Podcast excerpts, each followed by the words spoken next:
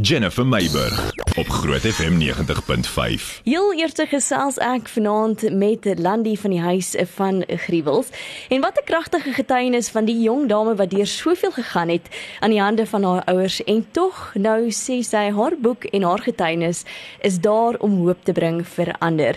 En dis 'n absolute voorreg om vanaand met haar te kan gesels veral oor hierdie tyd waar ons almal bietjie hoop nodig het. Goeienaand Landy. Goeienaand. Hoe gaan dit vanaand met jou? Goed, dankie Sal. Ah, oh, baie goed, dankie Landy. Nou Landy, baie dank dat jy vanaand met my gesels. Nou vir die luisteraars wat dalk nie weet nie, verduidelik vir ons net hoe was jou huis waarin jy groot geword het? OK.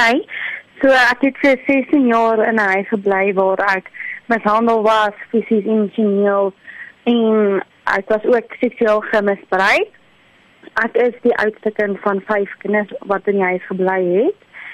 Ehm um, so ons het skool toe gegaan. Nee, ek het skool toe gegaan net tot en met graad 2. So was ek nooit weer skool toe nie. En ons huishouding was maar so my ma en my pa het gaan werk. Ek en my oudste broer het na die kleintjies gekyk en so ons het baie ons omstandighede was nie baie goed nie. Ons het nie altyd kos gehad nie. Ons was baie lelik mishandel en daar was nie eintlik 'n uh, verhouding tussen ons kinders en ons en ons ouers nie. Landy, hoe oud was jou broers gewees, die broer en suster? Toe ons verwyder is uit die huis uit, dit was my oudste broer 11 en die drie kleintjies was 1, 2 en 3. Sjoe. Nou Landy, soos jy gesê het, jy het tot en met 16 jaar oud in 'n huis gebly waar jy mishandel was, verwaarloos was, ehm um, gemolesteer was, van die ergste dinge waaraan mens kan dink. Hoe was jou geestelike lewe op daai stadium? So toe ek jonger was, het ek daar by my peetouers gaan kuier. So toe ek kerk toe gaan op 'n baie jong stadium, toe ek baie klein was. Um so toe ek by die huis toe ek in die huis gebly het saam met my ouers. Ek het geweet daar's 'n God en 'n Bybel. Maar dis al wat ek geweet het. Ek het nie gebid nie, ons het nie kerk toe gegaan nie.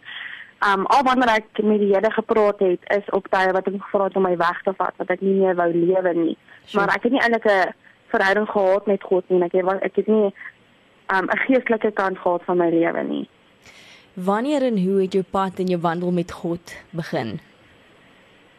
Um ek het toe daarna nadat ons verwyder is uit ons huis uit, het ons by my ma se oudste suster gaan bly, by my tannie.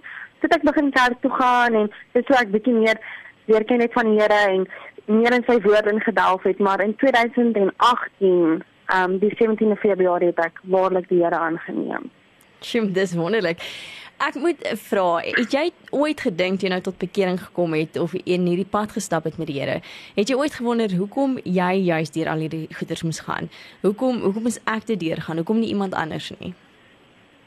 Nee, I'm verbaasend vir myself. Ek het nooit gewonder en nooit gevra hoekom. Um ek het dit nie verdien nie. Hoekom is daar niemand anders gekies nie? Nee, ek het nooit die vraag gevra van hoekom was dit ek nie? Sjoe, so dis dis regtig mooi om te weet, verstaan nie. In 2018 begin jy werklik, jy kom tot bekering en jou jou werklike pad met God begin en jy bevraagteken nooit deur waar jy gegaan het nie. En dis wat my deel is van so mooi getuienis. Jy deur al hierdie gegaan en en tog is jy iemand wat soveel sterker daar uitgekom het en vandag 'n getuienis kan lewer aan soveel mense wat daaruit kan leer wat in dieselfde omstandighede is. Landy, hoe het dit gebeur dat jy verwyder was van die huis?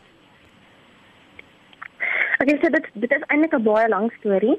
So uh, die aand waar my my so my my pa wou gery het um, om vir ons kos te gaan koop, toe kry my pa nie sy kasketel nie en my oudste broer het laas die kasketel gehad. En almal begin toe begin toe die kasketel soek. En my pa raak toe bietjie kwaad omdat ons nie die kasketel kry nie en my boetie dink toe vanaand is die aand my pa om doodslaan. En my boetie besluit om um uit die huis uit te hardloop om van my pa weg te kom en my pa stuur my toe agterna my broer te gaan soek en ek soek hom toe en hy as vir ons te kry kom in ons erf agter so hout huisie en ek sê toe vir my moet inkom om uh om hy moet inkom. My pa sal nie slaan nie. My pa is nie kwaad nie. Hy sê okay hy staan toe hy staan toe op en hy sê hom self met afskud. En hy spring toe oor die muur na die bure se huis en um ek kan dan hy sê en ek sê toe vir my ma um hallo my broer het oor die muur gespring hy is in die bure se erf en sy sê toe vir my ek moet hom gaan kry en ek kan ook toe oor die muur en soos ek wat toe ek in die erf loop, sien ek hierdie venster dat my broer in die bure se huis is. Um en ek gaan toe en, en ek klop toe en hom maak hy vir my oop en my broer wil nie kom nie. So ek sien die bure se huis en die, my broer wil nie uitkom nie. En dan ek hier daarna toe kom my ma in die huis in. En sy het hom toe uitkry, my broer wil my broer wil toe vir iemand luister en hy sê my pa gaan hom slaan en hy gaan nie kom nie, hy gaan by die mense bly. En hy rukkie daarna toe kom my pa in die huis in en hy gryp my boetie toe en hy klap my boetie on agter die kop voor die bure. En hy vat hom toe in ons huis in. So my ma sê vir die bure, jammer vir die ongerief en die bure het vir my ma gesê my broer kan by kan by hulle slaap. Dis nie 'n probleem nie. My ma sê toe nee, alles is oukei, okay, dis nie nodig nie. En toe op in die huis kom, dis my pa baie kwaad omdat my broer na die bure toe gehardloop het van dis ander mense wat weet van ehm um, die mishandeling wat in die huis gebeur. En my pa laat my broer toe op die mat lê in die sitkamer en sy lê op sy rug en hy kyk vir die dak en my pa sit sy arms langs sy lyf neer en my pa sit um 'n knie op elke hand so my broer kan nie sy hande beweeg nie en my pa begin hom toe aanhoudend in die gesig slaan en my broer kan nie keer nie want sy hande is vas. Ek het my broer gevoer en alles en die volgende ons ons het toe gaan slaap met broer was sy oë en sy mond alles was opgeswel en hy kon nie sien of self eet nie. Ons het almal toe gaan slaap in die huis, um in die sitkamer onder en toe die volgende oggend toe is die welsyn daar en die polisie polisie is daar en toe ons hoor is die welsyn en die polisie. Toe het ek my pa met my broer by die huis uit die agterdeur en toe kom die welsyn in en hulle begin te vra hulle vra toe my ma waar is my pa? En hulle soek die uit te sien en alles en dis toe die die praat hulle net so met my ma en hulle begin my pa seker my pa kom toe later by die huis aan en hy sê toe vir hulle hy's iemand anders en ek het dan na toe vat hulle ons na die welsin kantore toe. Sjoe. En nou 16 jaar van dit verduur. Ehm um, uiteindelik kom iemand en half hulle kom vat julle weg. Maar weet jy in op hierdie stadium klink dit half soos amper 'n negatiewe storie, maar jy het dit so half mooi omgedraai vir jouself en um, ons gaan nou verder daaroor praat oor hoe dit verbeter het in in jou wandel met God. Met land, so ons gaan gou breek vir liedjie hier's dan bring ons met up again. En voor die breek het ons gesels oor hoe dit was om in haar kinderhuis groot te word en hoe het hulle daar uitgekom die omstandighede waardeur sy moes geleef het. Nou Landy, ek weet in jou boek en baie van die onderhoude wat ek geluister het, het jy gesê jy moes jou identiteit weer vind, jou identiteit in Jesus. Want baie van die keer wat jy paai geslaan of aangerand het, het jy gedink jy verdien dit. Vertel my meer hiervan. So omdat ek groot geword het in so 'n omgewing, um het dit my normaal geword. Dit was dinge, dit was wat ek wat ek geglo het, dit is wat ek gesien het, dis so ek groot geword het, so ek gedink dit is hoe lewe moet wees. En omdat ek daarin groot geword het en omdat ek so mishandel was en so geslaan was en alles het ek gedink, ehm um, ek verdien dit omdat ek iets verkeerd gedoen het. Ehm um, ek het ek het iets gedoen wat lei tot die mishandeling.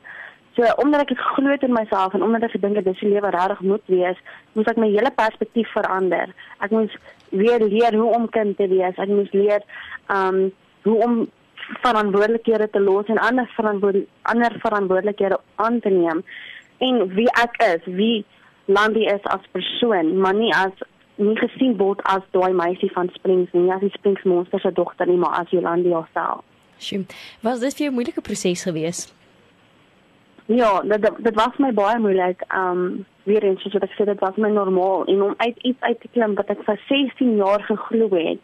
Um om dit nou aan om dit net so aan te leer en die Here te leer ken in daai proses was my baie moeilik want dit was my moeilik om te sien wat dis hoe wêreld dis hoe die wêreld regtig buite is dis hoe mense mekaar regtig moet hanteer en om myself te vind in daai proses en my identiteit in die Here ook Absoluut. Nou ons praat so maklik oor vergifnis en ons moet mekaar vergewe. Maar as jy deur dit was waardeur jy en jou broer en jou susters gegaan het, is dit iets heeltemal anders. Het jy al jou ma en pa vergewe? Ja, ek het hulle altyd al vergewe. En hoe was daai vergifnisproses vir jou gewees? So dit om my pa te vergewe het dit my 4 jaar gevat. Ehm um, dit was 'n lang proses. Ek het ek het baie kere al probeer om hom te vergewe dan baie mense sou my probeer help en dan dan sal ek die woorde sê dat ek vergewe hom, maar ek kon net nooit verseker weet. Ek kon ek het nooit ek het geweet dit is nie nou dit het nie regtig gebeur nie. So ek het nog steeds daai kwaad en daai haat en daai seer saam my gedra en daai skuld. Ja. En die aand wat ek hom vergewe het, um 20 um 2018 die 17de Februarie wat ek my pa regtig vergewe het, is presies dieselfde aand wat ek die Here waarlik kon aanneem. Eers so ek vry word van daai skuldkommissie wat ek saam my gedra het wat my pa vir my gegee het, kon ek sê maar die is wie ek is, wie is wie Randy is en ek is 'n kind van die Here. En met my ma, ek het my ma ja in die begin van die jaar vergewe, het ek my ma vergewe. Dit was vir my um in die begin wou ek haar nie vergewe nie. Ek was baie kwaad vir haar en ek wou nie vergewe nie, maar naderhand het ek besef dis ook iets wat my terughou en dit is iets wat my identiteit ook belemmer van ek het met die um uh, ek het met die in my kop geloop dat ek geglo het dat ek 'n ma so sy gaan wees, dat ek nie na my kinders gaan kan kyk nie, dat ek nie 'n goeie vrou sal kan wees nie en dat ek my kinders sal behandel soos wat sy ons behandel het. So, eers toe ek daai perspektief regmaak in my hart, kon ek haar vergewe. So dit was vir jou moeiliker geweest om jou ma te vergewe as jou pa. Ja, dit was. Dit was baie.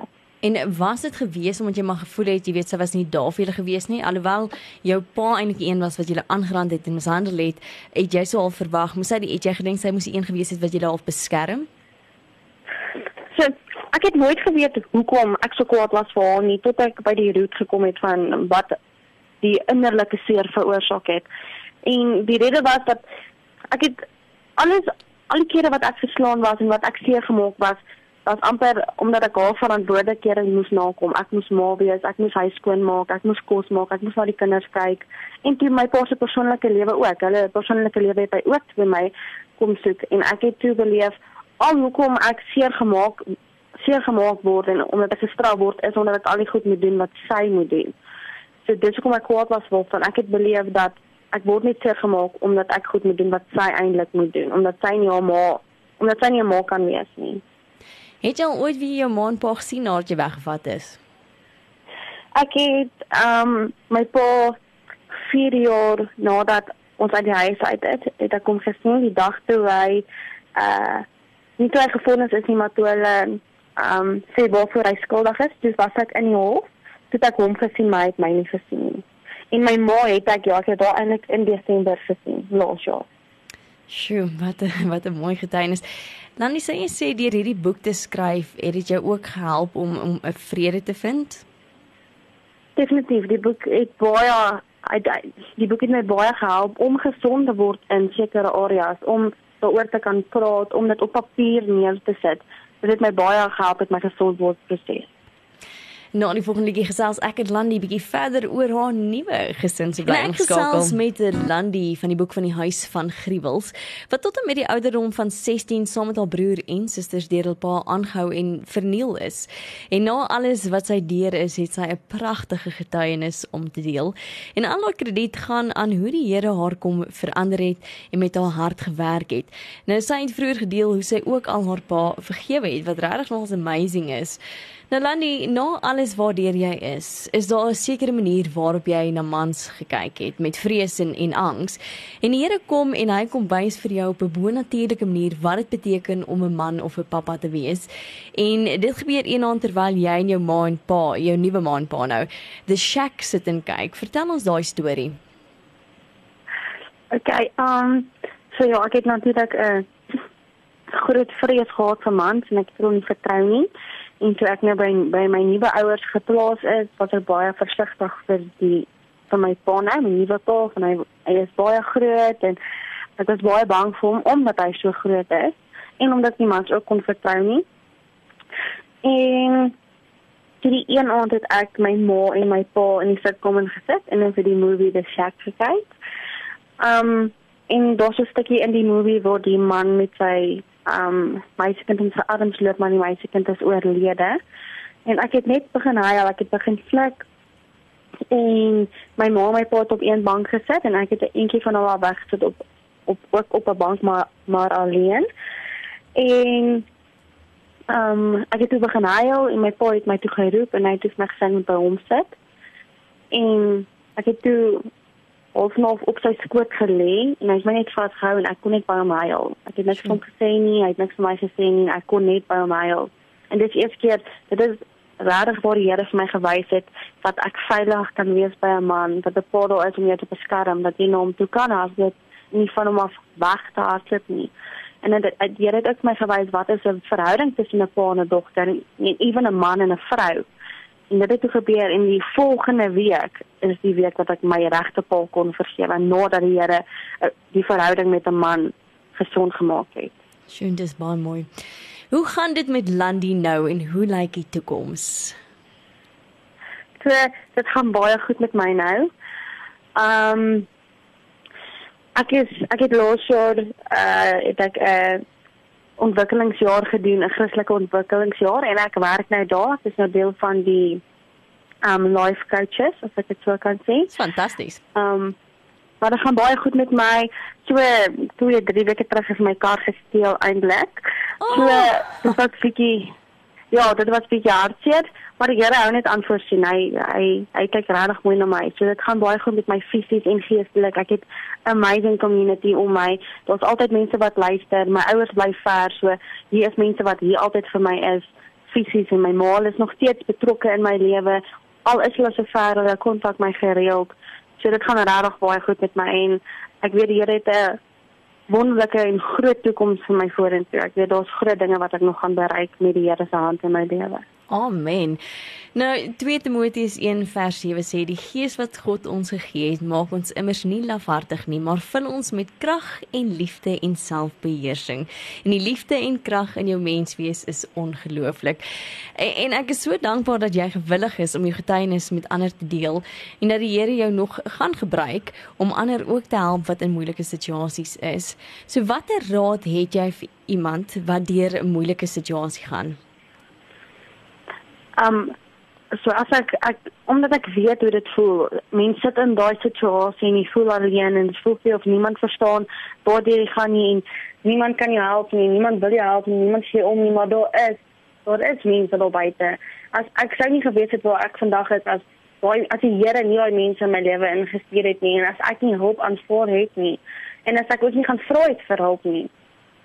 So ek vir almal wat luister en as er iemand is wat in sulke situasie is, wil ek sê aanvaar die hulp en as en as ek vir julle moet sê hardloop, hardloop weg en gevra hulp, dan sê ek vir julle hardloop. As my broer daai dag nie gehardloop het nie, wil ek nie eens weet wat nou met ons gebeur het nie.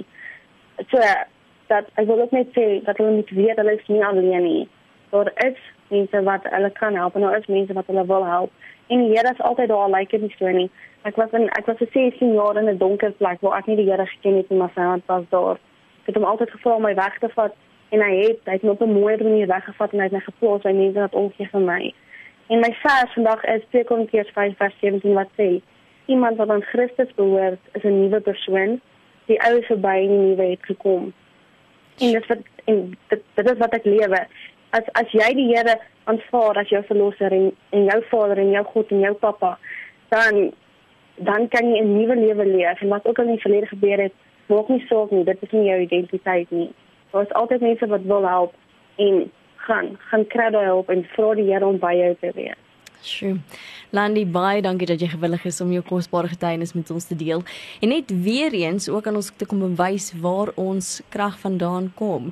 So mag jy jou getuienis met baie mense deel en ook ander help en net weer jy weet aanhou om vir mense te bewys hoe groot God is. Baie dankie vir die lekker gesels. Baie dankie. Ek waardeer dit en dit is my groot voorreg om saam met jou te kan saam met jou te kon praat vanaand. Dankie Landy. Jennifer Meiburg op Groot FM 90.5.